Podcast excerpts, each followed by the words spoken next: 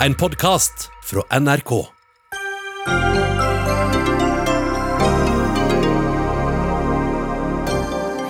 Énmetersregelen skaper stadig hodebry for skolene, men barneidretten skal kanskje få slippe den, og da må vel skolene også gjøre det, eller? Universitetene er sinte på enigheten til Frp, Ap og Senterpartiet om å la relevant arbeid etter studiene avgjøre finansieringen av høyere utdanning. Kineserne vil stramme grepet om Hongkong. Kontroversielt lovforslag om ny sikkerhetslov vil innskrenke demokrati. Og hva driver vi med nordpå, spør redaksjonssjef i Sør-Varanger Avis, som synes nordnorske medier, samfunnsdebattanter og politikere engasjerer seg i uviktige debatter som joikakaker og søringkarantene.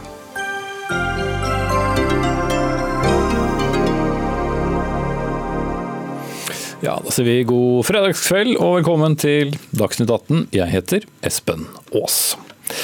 Énmetersregelen ja, den skaper hodebry for mange skoler rundt om i landet. Siden det må altså være minst én meter mellom pulter, er det ikke plass til det vanlige antallet elever per klasserom. Det betyr at eh, elevene må veksle på å være på skolen og får mindre læringstid. Samtidig så skal barnefotballen starte opp igjen 15.6, med all den kroppskontakt det medfører. Er det egentlig behov for eh, denne regelen? På onsdag som var, skulle Helsedirektoratet fortelle om, en, eh, om at barneidretten kunne starte opp igjen 1.6 her i studio, men 40 minutter før så trakk de seg fra det. Det var nemlig ikke helt avklart likevel med denne barneidretten. Men eh, nå er du her, Espen Rostrup Nakstad, assisterende helsedirektør. Blir det noen anbefalt åpning av barneidrett fra 1.6? Ja, vi jobber med, med, hvordan eh, de faglige rådene skal bli, og kommer til å sende det over til Helse- og omsorgsdepartementet innen 28. mai. Og så får vi se hva beslutningene blir rundt det, og hvordan det blir framover. Mm. Så dere jobber, dere er ikke ferdig med det? Ja, vi, Nå er det 22. mai, vi er fortsatt i prosess, men, men, vi har sagt at vi skal levere det senest den 28. mai. Mm. Så dere var bare litt ivrig på onsdag? Ja, du kan si Det gikk, gikk nok litt fort i svingene på onsdagen, det skal vi innrømme. Og vi har jo ansatte som har jobbet nå nærmest døgnet rundt i tre måneder, sånn at det ble et lite feilskjær der og mye forvirring. Men eh, det har vi vært ute og beklaget, og det skal vi prøve å ikke gjøre igjen. Uansett så har eh, kultur- og idrettsminister Abid Raja sagt at eh, barnefotballen den skal åpne 15.6. Hvordan blir det å drive fotballtaklinger med én meters avstand? Du kan si at Grunnregelen og kanskje den viktigste smittevernrådet vi har for at vi ikke skal ha minst mulig risiko for smittespredning, det er å holde avstand til hverandre. Og nå har vi jo gått ned til minst én meter, og gjerne mer der det er mulig, som en hovedregel. og Det gjelder jo hele samfunnet. Men det er klart, når friske barn eh, f.eks. spiller fotball, eh, så i forbindelse med fotballkamper og trening, så kan man komme i nærmere kontakt enn det, men det er jo veldig kortvarig. Vi snakker om et mikrosekund i en takling, og så løper man videre. Men man er jo ganske svett, eh, man er svett. etter to ganger 45 minutter? Man er svett, men det er mange strenge regler som skal følges. Blant annet skal man være frisk når man drar på trening, eller i lignende aktiviteter. Man skal være frisk. Og det er også utendørs. Og eh, man har tross alt ganske kortvarig tett kontakt. Så vi tror det smittevernmessig skal gå veldig fint, og det er en balansegang i dette her også. ikke sant? Altså, vi kan ikke være rigide på absolutt alt, men samtidig er det viktig å ha en hovedregel som gjelder for å begrense smitterisiko. Men eh, det er jo ikke alltid sånn at man vet om man har eh, viruset, og det kan man bære, så vidt vi har forstått, i kroppen før man blir syk. Så en viss økt smitterisiko må det jo uansett være. Ja, og den er nok, Det har vært diskutert nå i vitenskapelige kretser i flere uker. Hvor smittsom er man uten symptomer? og Det viser seg nok at det er veldig lite, og det er i så fall rett før du blir syk. Kanskje har du egentlig symptomer, men du merker det ikke selv. Sånn at vi tror nå Med de smittetallene som er nå, som er så lave som de er i Norge, så er sannsynligheten for at en eh, idrettsungdom eller et barn eh, er syk når man går på trening, og i tillegg har så tett kontakt at man risikerer å smitte andre, den er forsvinnende liten. Men ehm, så er det alle disse andre ehm, idrettene, da. Eh, altså løpe seks meter og mye friidrett kan jo gå bra, men så skal du bryte, man skal spille håndball, det kan være rugby. Kan egentlig alle idretter for de under 20 starte opp igjen? Det er en del av det arbeidet vi nå sitter og gjør, og som vi skal levere 28. mai. Og så eh, vil jo det bli tatt videre i praksis med ulike koronavettregler, som man ofte kaller det i idretten også. Eh, og tilpasses i praksis. Og nøyaktig hvordan det blir for ulike idretter, det har Eh, dels sammenheng litt med hvor tett kontakt man har, men også hvor mange man er, ikke minst. Og man kan kompensere med andre smitteverntiltak. Så, så det er litt for tidlig å si hvordan de rådene kommer til å bli. Mm. Et fotballag er gjerne større enn en eh, kohort. Eh, jeg skal bringe en til her nå, men helt til slutt. Hvis man åpner for barneidrett, enten det er 1.6 eller 15.6 eller hva dere nå ender på, vil énmetersregelen ved skolene likevel måtte bestå? Det å ha minst en meter avstand til hverandre der man kan, det er et grunnprinsipp som er veldig viktig overalt hvor det er mulig å gjøre det. Eh, og Det er det som er hovedregelen for skoler og for barnehager. Og for alle oss andre også. Men det vil forbli det også? Det er ingen eh, planer nå om å endre på det. Mm. Eli Handeland, du er rektor ved Storetveit skole i eh, Bergen. Til Klassekampen i dag så sier du at du ler så du griner av den énmetersregelen. Hvorfor det? Ja, og ikke av regel i seg selv, men det at uh, vi ikke klarer å overholde den. Selv ikke voksne. Vi, men vi er veldig bevisst på, for vi følger veldig lojalt alle de smittevernreglene. Men når vi ser at det blir, det blir nesten umulig, for vi har ikke store nok lokaler uansett hvordan vi innretter oss, til å faktisk huske på dette. Og så er det sånn at vi må inn i disse faste kohortene. Og så, og så har de venner på tvers av klasser. Eh, og de, og de syns elever sa hvorfor skal vi begynne på skole igjen når ikke vi kan være sammen likevel. Og det at jeg må dele klasser i to Jeg bruker på en måte alle lærerressurser for å passe på at vi holder avstand. Eh, sånn at disse ressursene som vi ellers har i skolen, til å følge opp elever som trenger det litt ekstra. Vi har også hjemmeundervisning får dette til å gå. Jeg syns det er en paradoks, fordi at jeg opplevde at når vi hadde ren hjemmeskole, så ga det en bedre læring. Og en bedre oversikt over elevens læring enn det vi får i dag. Så nå oppfatter jeg litt sånn at nå er vi blitt ren oppbevaring, nesten. Mm.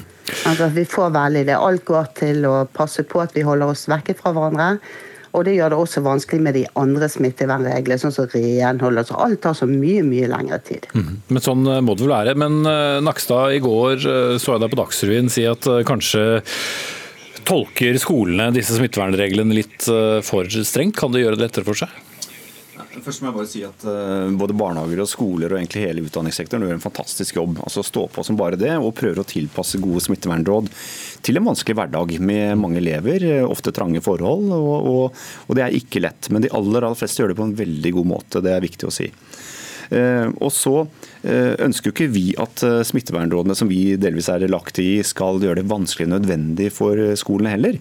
Og Da er det viktig også for oss å presisere at det er en del ting som har skjedd de siste ukene som gjør dette lettere i praksis. Det har bl.a. blitt revidert av disse veilederne for barnehage, skoler og videregående skoler eh, senest den 7. mai med en del viktige endringer, og det har kommet nye mm. eh, reviderte råd. Viktige endringer som hva da? Nei, Det knytter seg f.eks. til dette med gruppestørrelse, altså kohort, eh, som nå i større grad kan tilpasses lokale forhold, og klassestørrelse. Og Det betyr i praksis at hvis man er i utgangspunktet en klasse på kanskje 24 personer, og som har et klasserom som er stort nok til at man kan ha en meter avstand mellom pultene, så er det helt innenfor veilederen. Mm. Eh, og Man kan også ha mer enn en lærer på en sånn kohort, eh, for å på en måte få en lengre undervisningsdag, hvis man har de lærerressursene. Men på, i byer med mange elever, som, som Bergen og andre, hvor det er opp mot 30 elever, så blir det ikke fullt så enkelt? Der er det mye vanskeligere. Og der er man jo veldig flink til å bruke uteskole og andre alternativer. Eh, men så har det da kommet andre presiseringer igjen, senest den 15. mai, dette med håndvask, som også gjør det lettere for dem. Og Det er f.eks. det at du trenger ikke å vaske hendene med såpe og vann i den samme vasken åtte-ti ganger per skoledag. Man kan sprite f.eks. etter friminutter også. Så det er en del sånne ting som er, er viktig å få fram for oss. da. Mm. Men uh, Hanneland, hva ville gjort livet enklere for uh, dine ansatte og dine elever? Nei, det, det er den én meter uh, regelen. En gang var han to meter, nå ble han én meter. For Hvis jeg tar utgangspunkt i alt det andre, at vi har et god renhold, vi har en håndhygiene sånn som vi ikke har noe problem å gjennomføre. Vi har, vi kunne faktisk hatt hele Store Tveit skole kunne vært én kohort. på en måte. For vi har såpass oversikt over elevene. Vi vet hvem som er vennene til hvem, hvem de omgås med på fritiden. Altså Kanskje den viktigste signalet som vi gir ut til ansatte hos oss og elever, er jo å ha noe kontroll på å ikke være enormt sosial. Sånn, vi holder deg veldig mye til de samme. Og Det betyr at vi har oversikt og en kontroll i forhold til det. Og vi, jeg mener at vi kunne klart å da gjennomføre en ganske så normal skole. Så har det gitt god læring, men ikke minst da den sosiale eh, biten som er veldig viktig Mm. for elevene. Altså, de det- lærer gjennom på ulike arenaer og sammen med andre. Ja. Ja, Svar på det, Nakstad. Vi har litt eh, forsinkelse over til Bergen her. Nei, vi forstår, vi forstår veldig godt at det er et eh, problem. men Det er klart det er en veldig viktig hovedregel. Mm. Og så kan du si at eh, I hverdagen i skolen så har man stort sett en meter avstand til hverandre. I veldig mange klasserom, særlig de eldre gruppene hvor man har eh, egen pult, så har man det. Men må det da være så jeg beklager uttrykket religiøst, men må det være så strengt da, hvis som Handeland sier at eh, nærmest kunne hele skolen vært en, en kohort, fordi de har så god oversikt?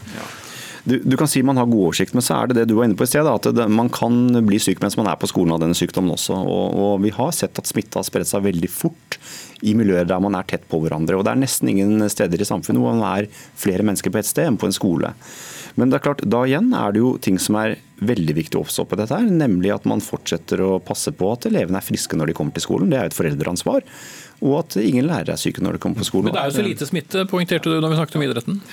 Det er det, men eh, det skal ikke mye til. Og det er det som er så uheldig med denne sykdommen. Hvis vi ser tilbake til mars, så var det ikke mange smittetilfeller vi fikk inn de første ukene fra utlandet. Likevel så fikk vi en veldig stor oppblomstring.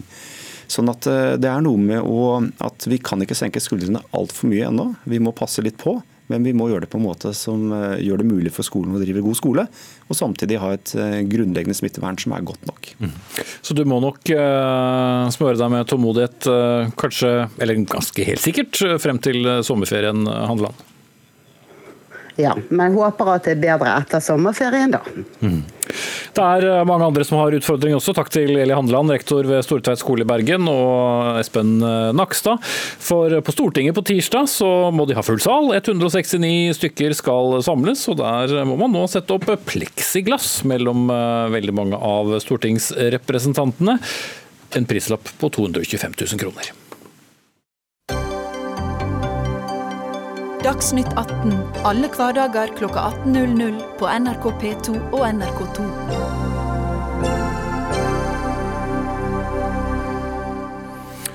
På onsdag her i Dagsnytt 18 så var vi eh, innom eh, eh, stortingsflertall bestående av Arbeiderpartiet, Fremskrittspartiet og Senterpartiet som gjaldt høyere utdanning. Vi gikk ikke inn i detaljene, for da var fokus noe annet.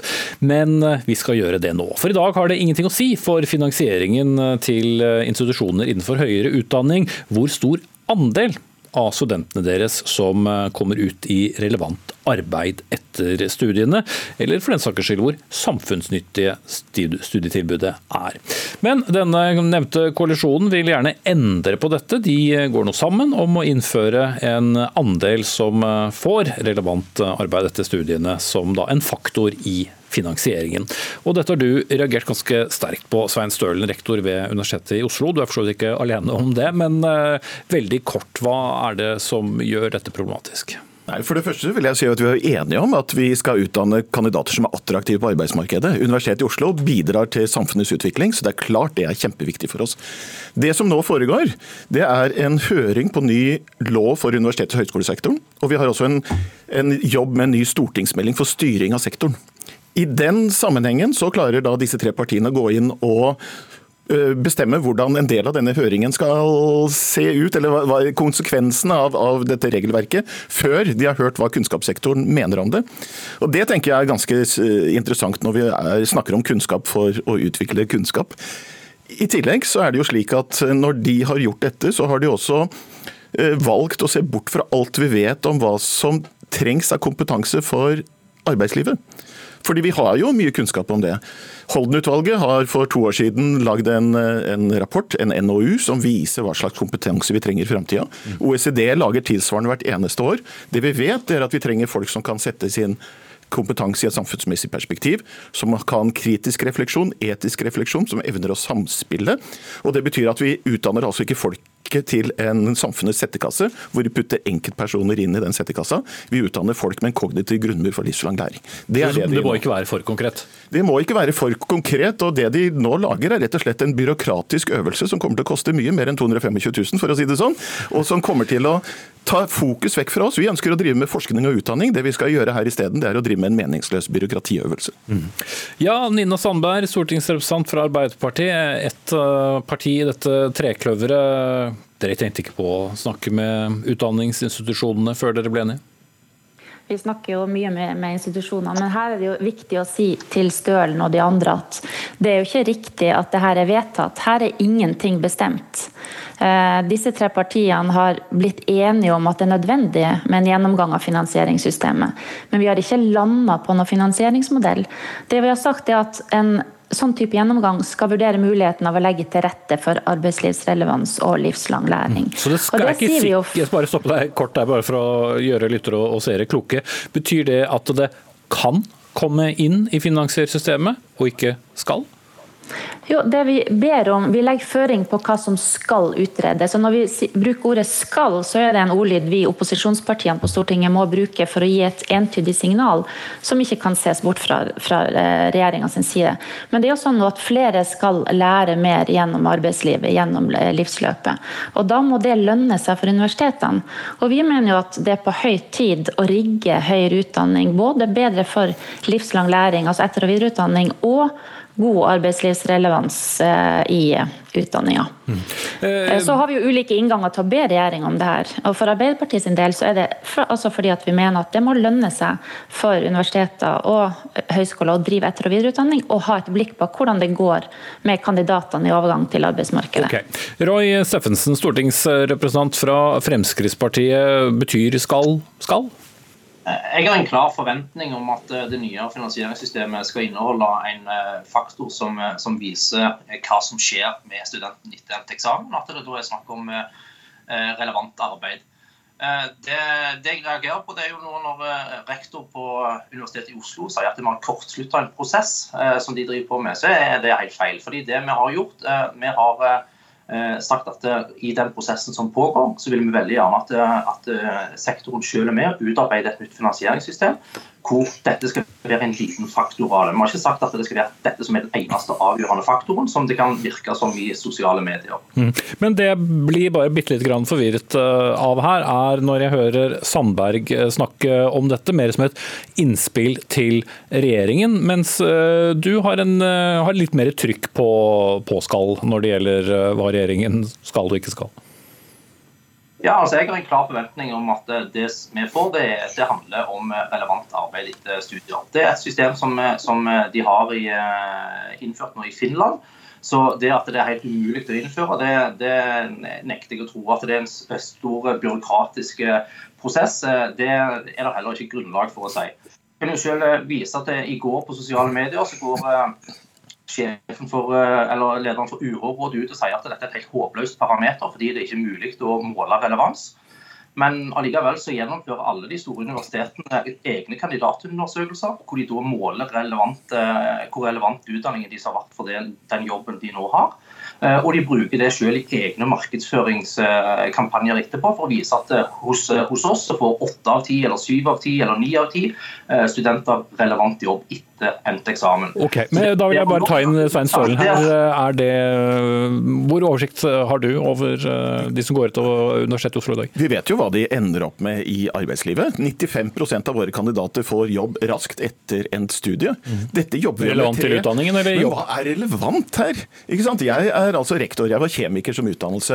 Jeg vet at eh, statssekretæren til kunnskapsministeren, hun er vel barnehageutdanna. Er det relevant i forhold til den jobben han gjør i dag? Så jeg tenker dette med relevant her er ganske problematisk. Vi jobber 365 dager i året for å utdanne gode kandidater til samfunnet. Og vi trenger faktisk ikke en liten økonomisk parameter for å bli inspirert til å jobbe med dette. Dette er jo en selvfølge. Det ligger jo i hjertet av hva vi driver med som institusjon. Det de lager, det er en byråkratisk øvelse, og det trodde jeg egentlig ikke at Fremskrittspartiet var så veldig opptatt av. Men er det ikke et poeng at uh, hvis noen går gjennom et langt studium på hvilken som helst universitet eller høyskole i Norge, at de går til et uh, arbeid som har med den utdanningen å gjøre? Men vi utdanner jo folk som får arbeid og som bidrar til å utvikle Norge. Så dette er svaret på et spørsmål som de leter etter. Det er Jeopardy. Vi har svaret. Hva er spørsmålet? Eh, vi skal ta inn enda en folkevalgt her. Mathilde Tybring-Gjedde, stortingsrepresentant fra Høyre. Du er ikke så begeistret for det trekløveret har kommet med her. Hvorfor trenger vi ikke det? Nei, altså Først og fremst er jeg jo ganske forvirret. For jeg hører jo hva Arbeiderpartiet nå sier, og det er jo ikke det de har blitt enige med Frp om. Det de har blitt enige med Frp om er, og jeg, bare, jeg har det skrevet ned, det er at insentiver i forslaget til nytt finansieringssystem skal være relevant arbeid etter endt studie. Og Det er jo det vi nå diskuterer, at Arbeiderpartiet har blitt med på noe som jeg tror overrasket hele sektoren i dag. En sektor med 50 000 ansatte, 300 000 studenter. At man har sittet på et bakrom og blitt enige om hva en faktor i finansieringen av hele UH-sektoren skal være. Mm, skal... la, meg bare, la meg bare, jeg har lyst til å levne en ting. Dette handler ikke om ikke Man kan diskutere hva som er relevant eller ikke relevant. Men vi har jo de kandidatundersøkelsene som Steffensen viser til. Og de tyder på at det er ikke bare snakk om liksom, om vi skal ha filosofer i Norge eller ei. Det vi snakker om er breddeutdanninger. Kjemi, altså realfag, samfunnsvitenskapelige retninger. Og det er jo de breddeutdanningene som blir veldig prega dersom plutselig Arbeiderpartiet nå har en spåkule og skal spå om det er relevant det de jobber med i fremtiden eller ei. Da Nina Sandberg, skal du få oppklare denne skallen som vi har vært innom, og om dere vet hva dere har vært med på. Ja. Mathilde Tybring-Gjedde vet jo like godt som meg at det ikke er sånn at Stortinget skape skaper finansieringsmodellen. Her skal dette gjøres grundig sammen med sektoren og arbeidslivsorganisasjonene i forbindelse med en stortingsmelding om styringspolitikk, og med helt vanlig stortingsbehandling, med brei høring og det hele. Så Når vi sier skal, så er det fordi at vi gir et entydig signal om at dette er faktorer som skal være med i det som regjeringa legger fram. Så er det et innspill. Og så er det det er en bestilling, ja. Og så er det eh, også sånn at eh, til Stølen. OECD viser jo at det er en internasjonal utvikling i retning av større gap mellom det utdanningssystemene tilbyr og det samfunnet trenger. Og da er det jo, Selv om vi i dag har en god situasjon med overgang til relevant arbeid, så er det jo ikke gitt at det utdanningssystemet som vi skal finansiere framover, vil fortsette med å levere det. Og Det er jo et helt legitimt hensyn å si at arbeidslivsrelevans er noe som høyere utdanning skal besørge. Og det er heller ikke vanskelig å få altså, Vi mener at man kan høste erfaringer fra vårt naboland Finland, mm. som har 2 eh, av, altså En liten andel av, det resultatbaserte eh, går på de som som eh, er, har fått jobb, og en liten andel, 2% av hver, går til de som har fått relevant jobb. altså Man måler det på den måten. Okay. Så dette her, Jeg forventer jo at, at uh, departementet klarer oss å legge fram et balansert forslag til et, et finansieringssystem som fremmer helt legitime hensyn i, i uh, norsk høyere utdanning fremover. Det, vi, det, er jo vi som er best til å være med å lage den fremtidens utdanning som du trenger i fremtida. På 70- og 80-tallet så lagde altså informatikk hos oss eh, eh objektorientert programmering. Det er det er grunnlaget for det vi gjør her i dag, det digitale samfunnet. Det er vi som ser framover, ikke politikerne. Vi tar gjerne en krevende styring fra Kunnskapsdepartementet, hvor de har forventninger til oss. Vi skal gjerne møte de, diskutere hvordan vi utvikler vår studieportefølje. Men det å sette penger på det, et insentiv som er vanskelig å måle, som koster byråkrati Sett penga inn i forskning og utdanning, og ikke inn i byråkratiet. Steffensen. Jeg, jeg hører hva Stølen sier, og jeg leser også hva han har sagt til Aftenposten, at det er direkte rustende at uh, de tre partiene som nå har gått sammen, har uh, gjort dette. Uh, jeg vil minne om at i Norge har vi gratis utdanning, det er finansiert av skattebetalerne. Det som jeg syns er rustende, det er jo hvis noen forventer at Stortinget ikke skal bry seg om hva at omfanget av studietilbud er mer tilpasset arbeidslivets behov. Det som SSB sine framskrivninger viser, det er at eh, i Norge så utdanner vi eh, sannsynligvis for mange humanister og samfunnsvitere. Og vi utdanner altfor få sykepleiere, leger, lærere og ikke minst fagarbeidere. Okay. Det ønsker vi å gjøre noe med, med å med å sende inn denne bestillingen til regjeringen. Går vi tilbake i tid, så visste SSB at vi skulle ikke utdanne så mange jurister, vi skulle kutte i det. I dag er det utdanna mange flere jurister enn det de foreslo, og de er i arbeid. Dette vet vi er vanskelig å forutse. Ja, jeg vil også ta inn deg igjen, Mathilde Tybring-Gjedde, før vi prøver å bli enda litt klokere hva det handler om her. Ja, altså nå, igjen så merker jeg at uh, det er veldig stor forskjell på det eh, Roy Steffensen sier og det som Arbeiderpartiet sier. Fordi De har jo da sendt inn nå en bestilling til uh, regjeringen der de ønsker at man skal legge frem et finansieringssystem der det er en faktor som skal være med. Og det er da en faktor som Arbeiderpartiet ikke vet hva betyr, nemlig relevant jobb etter endt studie. Og jeg vil bare si at det er ingen her som er uenig i at arbeidslivsrelevans er utrolig viktig for UH-sektoren. Hele kompetansereformen, liksom Høyres hjertebarn, handler om å rigge om UH-sektoren, slik at voksne folk som står i jobb, kan ta fleksible, kortere, relevante etter- og videreutdanningskurs. Der er vi enige. Okay. Uenigheten er om man skal innføre dette som en faktor. Her har rett og slett Arbeiderpartiet latt Frp få et kjempestort gjennomslag. Jeg gratulerer Frp med det, men jeg syns det er veldig overraskende for Arbeiderpartiet, som er et styringsparti, eh, og at man ikke at man sitter på et bakrom og blir enige om en faktor i en så komplisert finansieringsmodell. Og jeg Hele sektoren reagerer i dag, og jeg håper Arbeiderpartiet ser det og snur. Mm, UH-sektoren, for dere som ikke er like gode på forkortelsene, altså universitet- og høyskolesektoren. Ja, eh, Sandberg, her eh, kommer det mange karakteristikker av hva dere har vært med på og ikke på dette bakrommet? Ja. Altså, Arbeiderpartiet har veldig lenge vært for å få til en gjennomgang av finansieringssystemet som ikke er perfekt, og som bygger på et system som ble laga tidlig på 2000-tallet.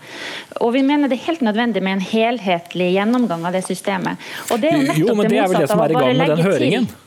Det er og, og det, her er jo en høring som skal få, dette er jo en lang, det er jo ingen kortslutta prosess. Det er jo en langvarig beslutningsprosess som skal gå langt utover våren til neste år.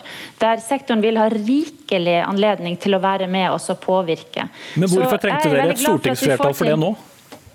Vi ser jo at, altså Dette er jo i forbindelse med at regjeringa legger fram en melding om kompetansereform som er veldig tynn, der det er veldig lite tiltak og veldig lite satsinger.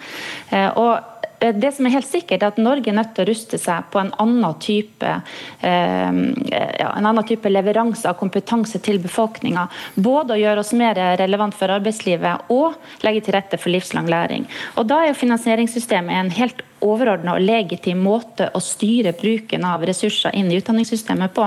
Og Jeg er helt sikker på at departementet klarer å utrede og legge fram et balansert finansieringssystem som fremmer både altså, andre viktige mål, men også arbeidslivsrelevans og også livslang læring. Mm. Og Danmark og Finland, som, er, som som er land vi ellers har mye til felles med, har gjort seg noen erfaringer der som vi kan høste ifra. Ja, men du er ikke fast bestemt på at det skal avgjøre finansieringen, andelen som går ut da i relevante yrker ut fra utdanningen?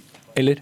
Nei, vi, nei altså Hvis regjeringa eller departementet mener det er umulig i Norge å legge til rette for arbeidslivsrelevans gjennom finansieringssystemet, eller at et sånt insentiv vil ødelegge for andre hensyn, så får vi jo heller ta stilling til det når vi ser forslaget. Men vi registrerer altså at nabolandene våre har gjort dette, og okay. så kan vi høste noen erfaringer derfra. Roy Steffensen, er, er du på linje med Sandberg der? Ja, altså Jeg eh, syns du sier mye klokt. og Det viktigste det er jo at eh, vi kan eh, ta kontakt med Finland og høste erfaringer fra det systemet som de har hatt. De har hatt eh, arbeid etter en studie som en faktor i noen år, men de har nå valgt å innføre også relevant arbeid etter, endt studier. Så, så jeg tror at dette er fullt mulig å få til hvis det er vilje. Jeg synes at både rektorene som har uttalt seg til medier og sosiale medier, har en vel defensiv tilnærming til det. Eh, det samme har eh, Høyre. Jeg skulle tro at de var mer opptatt av eh, hva skattebetalerne sine penger går til. Men okay. Jeg regner med Jeg vil bare ha et lite svar fra Svein Stølen før han går ut av studio. Er du, er du klokere nå og mindre nervøs for hva de har vedtatt? Jeg syns dette er uklart. Det er sjelden jeg blir anklaget for å være defensiv også. Vi leverer vår høring til styringsmeldingen på mandag. Den inneholder hvordan vi tenker denne finansieringsmodellen skal se ut. At politikerne ikke har vett til å vente til vi kommer også med innspillene fra sektoren, er er overraskende. Da lar vi denne firerbanden takke for seg. Svein Stølen, rektor ved Universitetet i Oslo. Roy Steffensen, stortingsrepresentant fra Fremskrittspartiet. Mathilde Tybring-Gjedde fra Høyre. Og Nina Sandberg fra Arbeiderpartiet.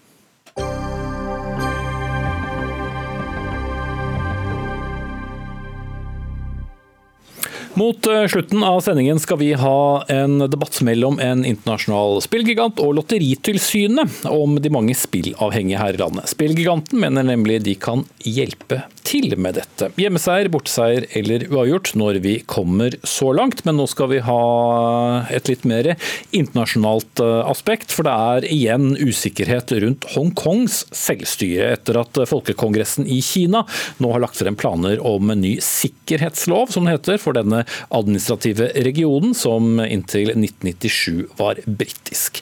Loven vil, eh, som det heter, forby forræderi oppvigleri og politisk aktivitet, der målet er en løsrivelse fra Kina igjen. Demokratiforkjempere i Hongkong varsler protester. EU oppfordrer nå i ettermiddag, ifølge nyhetsbyrået AFP, Kina om å respektere Hongkongs selvstyre. Og Stein Tønneson, seniorforsker ved Institutt for fredsforskning, PRIO. Dette ble veldig raskt veldig kontroversielt? Ja, dette er en dramatisk utvikling i Hongkong-spørsmålet virkelig dramatisk.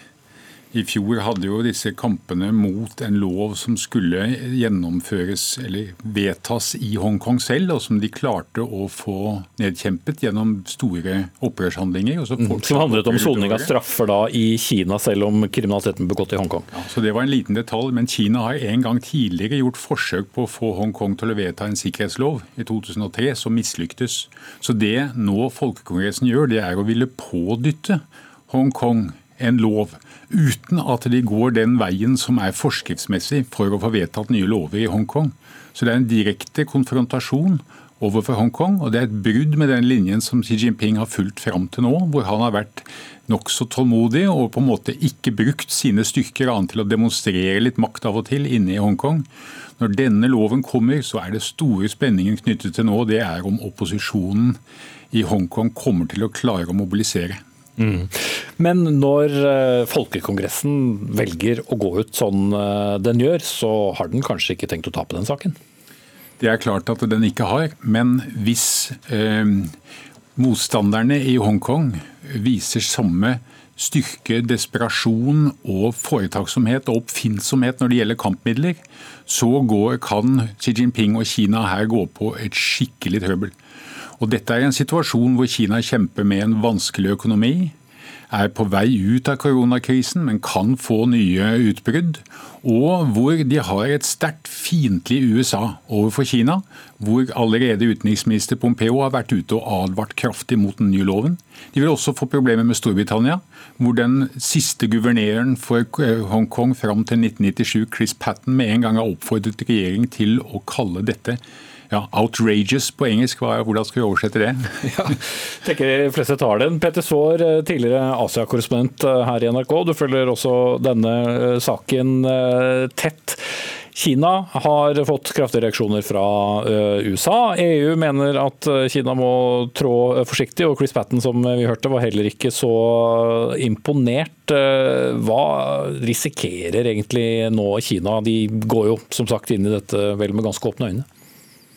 Jeg tror det, den beregningen Beijing har gjort her, er at eh, de gjør dette nå for det første fordi det har vært opptøyer i Beijing i eh, nå over eh, et år, som de føler at de må prøve å få en slutt på. Og de tror at med den koronasituasjonen som verden nå står i, hvor, hvor USA på mange måter er svakere, eh, kan bli oppfattet som svakere enn før. De har større problemer. Kina har fått større kontroll på sitt utbrudd. Mange land er avhengig av Kina på smittevernutstyr. Så har de på mange måter mer å gå på på den måten. Og I tillegg så har de jo brukt denne koronasituasjonen i Hongkong de siste månedene til nettopp å kontrollere disse opptøyene ved å vise til eh, sosiale distanseringsregler. Det skjedde senest i dag. Det var en liten gruppe på rundt eh, 30 folkevalgte som prøvde å marsjere mot dette mainland eh, eh liaison office, som er Beijings måte kontor i Hongkong, og hvor politiet umiddelbart uh, stanset dem og krevde at de delte seg opp i små grupper på maksimalt åtte, og flere av dem fikk bot. Så Eh, Kina bruker på mange måter nå dette momentumet også fra den pandemien vi står i, til å, og, og tvinge sin hånd på, på Hongkong. Mm. Du har jo også vært i kontakt med folk du kjenner i eh, Hongkong eh, i dag. Det er jo folk som har vært ganske eh, utmattet etter det de var igjennom i, i forrige runde, rundt denne andre loven vi, vi, snakket om. Hva forventer de nå? Ja, jeg har jo eh, hatt kontakt med ma mange i opposisjonen i Hongkong siden, siden paraplyrevolusjonen for, for, seks år siden startet. Og uh, I dag så er mange uh, veldig oppgitt, i sjokk. De snakker om å slette de sosiale mediekontoene sine fordi de er redde for at de kan bli brukt mot dem senere. Eh, Joshua Wong, som av, eh, har vært en av de unge lederne for studentprotestene, tvitrer i ettermiddag at uh, han er redd for at dette vil være et nådestøt for protestbevegelsen, og også at denne artikkel 4 i dette lovforslaget åpner jo også for at Kina kan bruke kan sette inn egne politistyrker i Hongkong, lage en egen politistyrke, egne sikkerhetsinstitusjoner som da skal, eh, skal gå i gatene i Hongkong og slå ned på opptøyer. Så dette er veldig alvorlig, og det vil kunne bety eh, en slutt på, i praksis for deler av ett land, to systemer-ordningen, hvor man har hatt en mye større grad av ytrings- og organisasjonsfrihet i Hongkong, og den kan nå forsvinne med et pennestrøk. Mhm.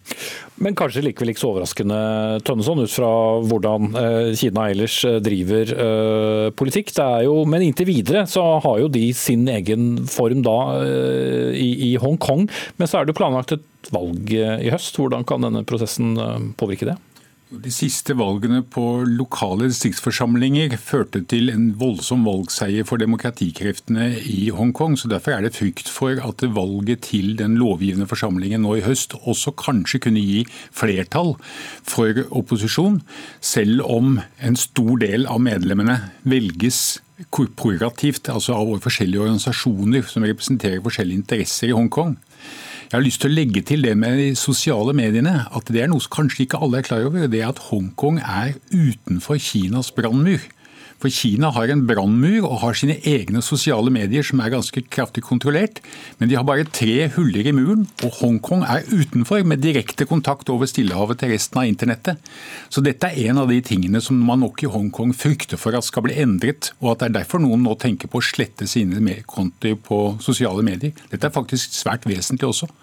Ja, Dette levde du under i flere år, Petter Saar, innenfor denne eh, brannmuren, som gjorde ting eh, vanskelig. Men eh, man venter på eller Fra USA har det kommet reaksjoner, EU kommer med reaksjoner osv. Har Kina eh, tenkt da til å komme med et eh, sterkt svar tilbake? For de pleier jo så ofte de kan å si at de bestemmer sin politikk selv.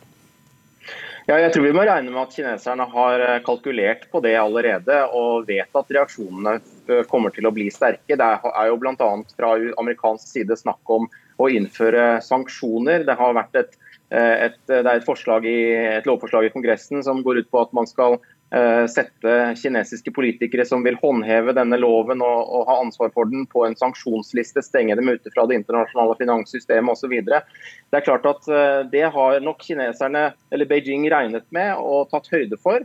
Eh, og de vet at dette vil gjøre forholdet til USA enda dårligere, men det har jo allerede vært veldig hardt prøvet nå de siste månedene allerede med en ordkrig rundt eh, ansvaret for viruspandemien, med en handelskrig bak der. Eh, så at dette kan sette det amerikansk-kinesiske forholdet enda mer på spissen i ukene og månedene fremover, det er det ingen tvil om. Mm. Tøddesson, Vi husker jo Carrie Lam, som uh, da var gjenstand for alt dette raseriet i, i, forrige runde. Er nå til stede under uh, Folkekongressen. Men hvor stor makt og hvor stor påvirkning vil Carrie Lam egentlig ha? Nei, Hun har det ikke godt, og hadde ikke gått i fjor heller. Hun ville gjerne gå av, men hun ble overtalt til å fortsette. Og har eh, ikke stort annet valg enn å forsøke å dempe uh, frustrasjonene og uh, nervøsiteten i Hongkong. Det ikke så mye hun kan få gjort. Spørsmålet er hvor lojale nå de forskjellige delene av Hongkongs administrasjon og regjering vil være overfor et Kina som kanskje griper inn direkte for å slå ned demonstrasjoner. Politiet i Hongkong har de stort sett på Kinas side, men rettsvesenet er ikke på Kinas side. Så hva de gjør med rettsvesenet i en sånn situasjon hvor Kina begynner å gripe inn, og hvor du får lover som er pådyttet dem, som dommerne så skal eh, presses til å dømme etter, det kan bli en veldig konflikt. Jeg tror tror det, de internasjonale aspektene av dette vil påvirkes veldig sterkt av om hongkongerne nå protesterer så mye at Kina inngriper direkte i gatene i Hongkong. Gjør de det, så er 101 ute for forholdet mellom Kina og andre land, som allerede er på veldig, veldig dårlig, eh, en dårlig tilstand. Jeg regner med dere følger videre med på dette, mine herrer. Stein Tønneson, seniorforsker ved PRIO, og Peter Schaar, utenriksmedarbeider, eller tidligere eh, Kina-korrespondent for NRK.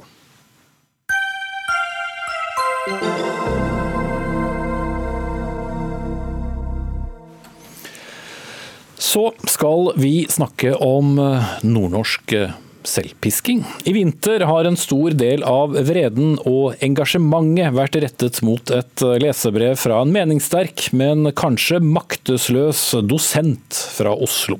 Samtidig har det skjedd store endringer i fiskeripolitikken uten at det har vakt engasjement utenfor den vanlige klubben.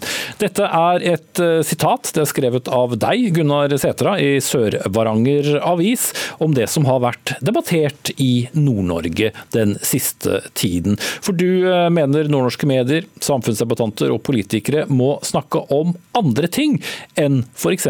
kritikk fra søringer og joikakaker. Hva var det som eh, utløste det du skrev? Nei, Det er rett og slett at jeg syns vi har brukt for mye tid og krefter på saker som egentlig er selvfølgelig artig å diskutere, men som egentlig ikke betyr særlig mye. Det, og jeg syns også vi kan være litt overbærende når noen langt unna oss gir oss beskrivelser som, som vi sjøl mener ikke stemmer. og en sånn beskrivelse er jo altså, Når noen forteller deg at du er dum, så det du vet da, det er at den personen syns at du er dum. Og Det trenger man ikke å gjøre noe særlig mer med. Ja, Det du viser til der eh, var jo en debatt som bl.a. dukket opp her i Dagsnytt 18, eh, hvor eh, Elin Ørjasæter kom med noen kraftige karakteristikker som, som, ble diskutert. og Det handlet jo da bl.a. om denne berømmelige Søring-karantenen. Og Det andre du også skriver om i dag, er jo joikaboksene. Er det ikke samtidig også saker som likevel har hatt betydning for mange, og derfor fått et visst engasjement? Det er mulig at det har hatt betydning for mange, men jeg syns jo at jeg tror egentlig at, at uh, denne joikadebatten den hadde kanskje ikke oppstått hvis ikke det var for at Nordlys skrev en leder om at dette er uviktig. Mm. Så uh, Der syns jeg er noe Nortura og Samerådet kunne ha ordna opp i. Og Så kunne vi ha diskutert fiskeripolitikk, vi kunne ha diskutert forsvarspolitikk, vi kunne ha diskutert f.eks. det som skjer nå med oppdrettsbeskatninga. Eh, vi er, Troms og Finnmark er det eneste fylket i Norge som har grense til tre land eh, på, på landjorda osv. Vi er i en ganske sånn spesiell situasjon i landet. Og Da syns jeg vi må ta den der posisjonen i de viktige spørsmålene som vi kanskje ikke gjør nå for tida. Men er kritikken din først og fremst rettet mot dere selv, eller går den også til eh, oss sørpå? Nei, altså, I dag er det en stor grad retta til oss sjøl, til, til, media, til, til universitetene, til, til, til politikerne osv.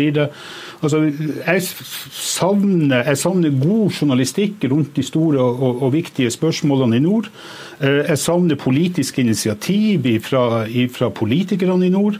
Og jeg eh, må si også at, at jeg savner at politikerne tar et rom. F.eks. nordområdepolitikken er i veldig stor grad flytta fra de folkevalgte organene i nord og over til forskningsmiljøene på universitetet, Polarinstituttet, Havforskningsinstituttet, hva det nå enn er for noe.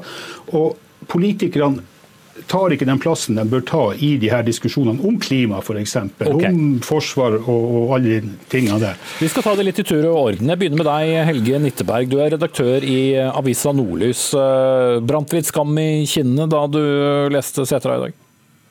Nei, på ingen måte. Det er jo ikke sånn at de debattene som skaper mest støy, er de eneste debattene som settes på dagsordenen i den nordnorske samfunnsdebatten. Faktum er vel at vi aldri før har sett en så mangfoldig og bred og levende samfunnsdebatt i Nord-Norge som vi ser akkurat nå. Mange deltar, og vi i Nordlys er så heldige å, få være med på å forme denne debatten daglig gjennom vårt uh, nettsted Nordnorsk debatt. Her debatteres jo alt fra nasjonal politikk om fiskeri og forsvarspolitikk til mer lokale saker hver eneste dag, og med bidragsytere fra hele landsdelen. Så, Men hvor er engasjementet eh, størst? Joika kaker eller eh, kvotemelding? Ja, det, det er litt ettersom, men det er klart at det polariserte debatter som får frem kanskje det verste i oss, eh, mange, mange og enhver, får kanskje også det, det, den største oppmerksomheten. Men det er jo mange debatter som debatteres daglig og ukentlig, eh, som, eh, som Gunnar Sæter her etterlyser, som, som, er høyst til stede i den nordnorske samfunnsdebatten. Og som også får eh, oppmerksomhet i den nasjonale debatten titt og ofte. Mm. Så du er fornøyd med egen innsats?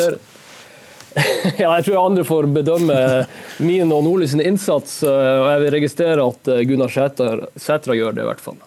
Vi skal også ta i deg, eh, Bjørn Inge Mo. Du er fylkesrådsleder i Troms og Finnmark eh, fra Arbeiderpartiet. Du som politiker fikk også passe påskrevet når det handler om å løfte frem de viktigste eh, store sakene, som f.eks. kvotemelding, fiskeribeskatning osv. Hva tenkte du da du så kritikken? Nei, et, eh, Man får ofte kritikk i media, det skal man leve med. Men, eh, men er, vi har noen store utfordringer i nord, det er ikke tvil om det. Og, og når man alltid er inne på denne joika-debatten som, eh, som, har gått i media nå over en lang tid, så, så, tror jeg vi har mange viktige saker å ta tak i som kanskje ikke først og fremst handler om innpakning av kjøttboller.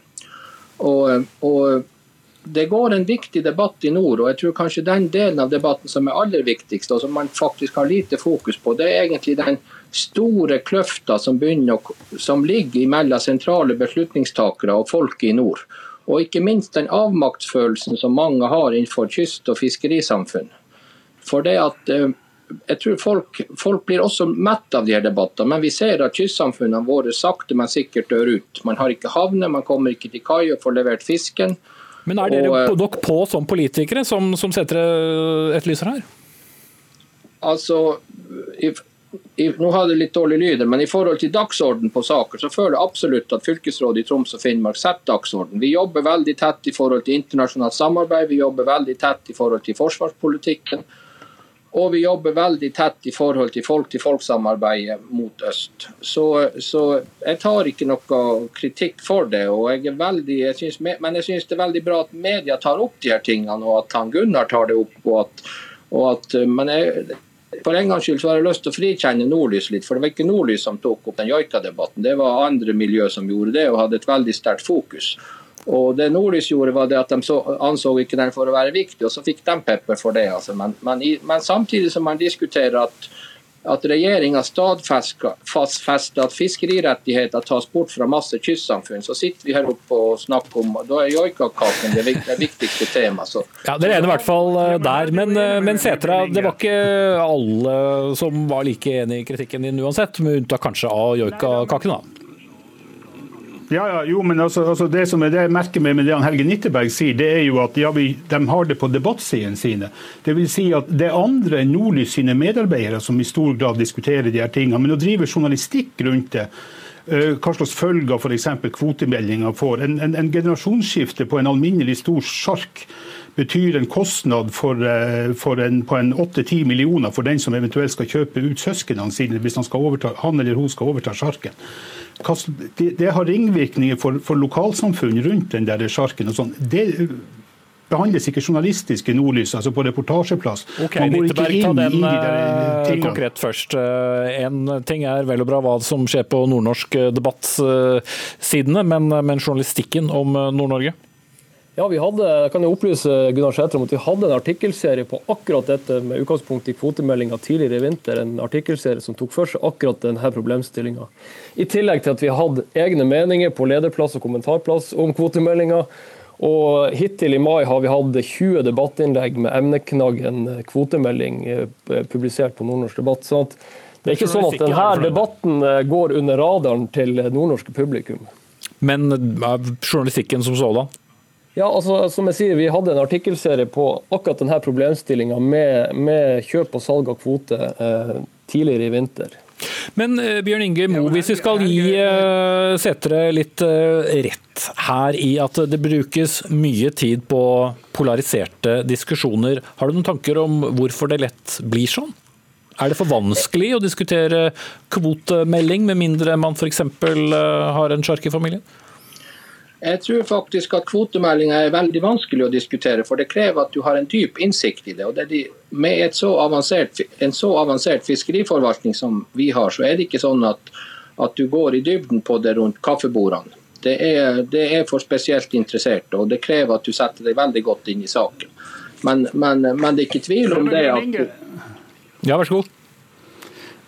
Ja, nei, jeg, men jeg mener jo det er jo der eh, vi tar feil. En ting altså, ha reportasjeserie ei uke om, om, det, men jeg mener det er viktig at politikere og journalister klarer å forklare fiskeripolitikken på en sånn måte sånn at den går utenpå de her tekniske tingene som fiskeripressa skriver hele tida. At man rett og slett klarer å få fram prinsippene i det som skjer. Og Da trenger man ikke å snakke så mye om de her tekniske detaljene, om båtstørrelser og kvotelengde og de tingene der. Din egen uh, avis, er dere fornøyd med egen innsats? Ja, vi er jo en liten lokalavis i en eh, kommune som eh, har et, et eneste stakkars fiskevær. og, og sånt. Jeg synes jo det, det har gjort oss litt grann, vi har fått løfta oss inn i Dagsnytt 18, har vi ikke det? ja. Og for ordens skyld, her i Dagsnytt 18 har vi diskutert joikaboller, søringkarantene, men også kvotemelding og fiskeribeskatning. Men jeg vet at uh, noen skulle ønske at vi hadde dandert tiden noe annerledes. Men jeg sier takk til dere alle tre nå. Gunnar Setra, redaksjonssjef i Sør-Varanger. Stavanger Avis, Bjørn Inge Mo, fylkesrådsleder i Troms og Finnmark fra Arbeiderpartiet, og Helge Nitteberg, redaktør i Norus. Hør Dagsnytt 18 når du vil. Radio NRK Radio.nrk.no.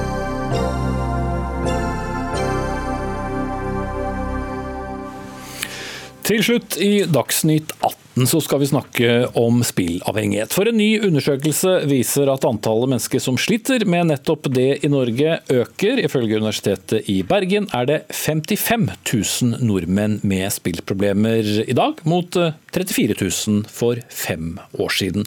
Og det er også Norsk Tippings spill som er blant de mest brukte. Og dette har fått deg til å reagere. Morten Klein, spillinvestor i det som heter Klein Group, som da er for en oppmyk oppmykning av spillmonopolet i Norge. Men eh, for å ta det litt i tur og orden, du mener at dette betyr at det norske lotteritilsynet, som har da tilsyn med pengespill, har mistet mandatet sitt. Hvordan da? Nei, altså Det vi ser med den eh, siste undersøkelsen fra Universitetet i Bergen, er jo det at det er en drastisk økning i omsetninga eh, for pengespill i Norge, spesielt online. Man ser også at det er en markant økning i eh, problemspillere og spilleavhengige. Og Mandatet til Lotteritilsynet er jo å ivareta problemspillere sitt, altså ivareta dem. og her har man da endt opp med at man over lang tid har ivaretatt eh, kanalisering av inntekter inn til det norske stat og Norsk Tipping. Og det, det, det, det er veldig bekymringsfullt. Men mange synes kanskje det er litt eh, pussig at en eh, spillinvestor som deg plutselig har slik en rørende omsorg for spilleavhengige? Ja, nå er jeg ikke plutselig hadde en omsorg for dette. Dette er noe jeg har talt for i, i mange år. Og Vi ønsker jo ikke å, å tjene penger på problemspillere. Vi det gjør vel heller ikke Norsk Tipping, gjør det det? Eller? Eh, nei, jeg tror ikke de ønsker det, men det er en konsekvens av enerettsmodellen og den politikken vi kjører i Norge. Eh, vi ser jo i Sverige eh, hvor de nordisk-regulerte spilletilbyderne, som f.eks. Common, Betson, Unibet og alle disse, har, er under et regime hvor, hvor man klarer å utelukke problemspillere. Og ikke gjør akkurat det man ser i Norge, hvor Lotteritilsynet sier at vi ønsker at problemspillerne heller skal spille hos Norsk Tipping. Mm. Nå har vi ikke Norsk Tipping i studio, men vi har med oss deg, Atle Hamar, tilbake som direktør for Lotteri- og stiftelsestilsynet. Er det Norsk Tipping som skaper spilleavhengighet? Det er jo sånn at denne Undersøkelsen fra Universitetet i Bergen eh, viser at eh, først og fremst så har vi en økning i spillavhengighet. Og det er jo definitivt sånn at det er de utenlandske spillselskapene som ikke har tapsgrenser, som ikke har ansvarlighetstiltak inni sine spill, som også representerer en ganske stort uh, problem for de spillavhengige i Norge. Men de spiller jo også norske spill? Ja, de spiller også norske spill. Og der er det jo slik at på norske spill så har vi jo bygd inn en ansvarlighetsgrense der du har maks, uh, et makstap på 20 000 i, i måneden Du kan egentlig bare spille vekk 10 000 på type online eh, kasinospill. Og det er jo noe annet enn at du kan spille vekk hundretusener i løpet av ei uke på Morten Klein og de selskapene som han representerer, sine spilltilbud som de formidler ulovlig innover grensene til Norge. Og utfordrer den lovlige spillpolitikken, som har en mye større grad av ansvarlighet bygd inni seg enn noen av spillene som Morten Klein representerer. Så vi skal ikke være bekymret over at noen med en lav inntekt spiller bort 20 000 på Norsk Tipping? Du, vi, eh, vi, følger opp eh, spilleavhengigheten eh, dag for dag, vi fra tilsynet. Og det er jo også sånn at Hvis noen av de norske lovlig regulerte spillene eh, har en utvikling vi ikke liker, så ligger det i vår rolle, nettopp når vi får ny kunnskap, å kunne foreslå tiltak, komme med reguleringer, bygge inn mer ansvarlighet rundt dette. Og det er jo eh, klart at det, det mandatet tilsynet har der, det er jo det som styrer norsk uh, spillpolitikk. Mm. Og så er det jo Det er, jo, det jo Hamar, så jeg må slutte kleine. Jeg, må bare si at dette, dette, er jo bare tull og tøys. Altså I, i 2015-rapporten så, så viste det at Belago som har i dag 28 000 problemspillere. Mm. Som er et spill, som er et spill fra Norsk Tipping. De hadde da 73,9 problemspillere i 2015. Nå har de 82,2 problemspillere. Eh, det viser jo bare at det er bare tull og tøys. De utnytter jo ikke det mandatet til å stoppe de spillene som skaper problemspillere. Men det er kanskje enda viktigere å si, bare for å ta det. Eh, ja, eh, vi, vi, tilbyr lov, Det er lovlig for nordmenn å spille på disse eh, nord, nordisk-regulerte selskapene. Og det er fullt lovlig for disse selskapene å tilby spill. Så det, det Hamar sier stemmer heller ikke. Mm, men ta det første først. Hamar med den høye andelen da, folk med spillproblemer som, som bruker det spillet som, som Klein refererer til. Ja, Belaga er jo et spill som Norsk Tipping tilbyr, og det er jo det spillet som er type bingoautomater som står i bingolokalet. Og det er klart Vi har fått den kunnskapen om at eh, de representerer en uheldig utvikling. Dette vil vi se på. Men så har jeg da veldig lyst til å kommentere det Morten Klein sa til slutt her. Jo, men nå svarte du veldig kort på det første. Hva, hva, betyr det? Kommer dere kanskje til å gripe inn fordi dere ser det er en eh, økt andel, eller ikke? Hva betyr det å se på? Ja, det var, jo, det var jo nettopp det jeg sa, at ny kunnskap hos oss betyr at vi går inn i den og ser om vi skal foreslå nye tiltak og reguleringer. Men det som Morten Klein faktisk driver feilinformasjon om, det er at han har lov å tilby spill i Norge. Morten Klein sine selskap, de utenlandske spillselskapene, har ikke lisens. De har ikke et løyve til å drive pengespill i Norge. De, de tror de har det, men de har det ikke. Fordi at EU eh, e har ingen harmonisert lovgivning på dette. Det er hvert land sin nasjonale lovgivning som faktisk regulerer pengespill i, i, Norge. Og så er det jo nesten rørende å se at eh, de utenlandske spillselskapene går til de danske og svenske lotteritilsynene og ber de stoppe utenlandske selskap som ikke har lisens i Sverige og Danmark, eh, sine tilbud i Sverige og Danmark. Sant? Akkurat på samme måte som de sjøl omgår loven med alle mulige virkemidler her i Norge. Men nå har Stortinget vedtatt, uh, vedtatt uh, et forbud mot markedsføring av pengespill. Vi kjører et betalingsformidlingsforbud uh, ganske heftig framover, kan jeg love deg, Morten Klein. Og vi får òg okay, vi får informasjonsvarsling ja. og, og, informasjonstiltak mot forbrukere når de logger seg på sidene til utenlandske selskap, som nok skal være en god og grei regulering rundt dette, okay. som, som, stopper det som definitivt ja, Nå må du også stoppe hvis Mark Klein skal få svart for tiden er ute. Da, da, må jeg bare avslutningsvis si at vi, vi, opererer ikke spill i Norge, vi opererer spill i, ut, utenfor Norges grenser, hvor det er lov for nordmenn å spille. De, de, så vi driver ikke noe lovlighet. Dette dette er bare tull og tøys. Sånn har det vært i 20 år. og Det er derfor vi må nå få på plass en regulering som stopper den galoppen som er i gang i Norge nå, hvor, hvor det omsettes for 50 milliarder eh, hos, hos i, på norsk pengespill. og Det er en dobling de siste ti årene. Og det blir vel ikke noe mindre hvis det blir flere aktører? Jeg tror at det blir mye mindre om vi får på plass en regulering eh, her i Norge. Det kommer til å kanskje å halveres. Det blir mindre inntekter til idrett og kultur, men det er færre spilleavhengige som kommer til å lide. Ok. Jeg vet at du sikkert ville svart lenge over på det, Atle Hamar, men vi er ved veis ende. Takk skal du ha, Hamar, direktør for Lotteri- og stiftelsestilsynet. Morten Klein, spillinvestor i Klein Group. Dagsnytt 18 er altså over. Anne Katrine Førli var ansvarlig for den. Hans Ole Humlevold tok seg av det tekniske. Jeg heter Espen Aas, og vi ser på ses på andre siden av helgen.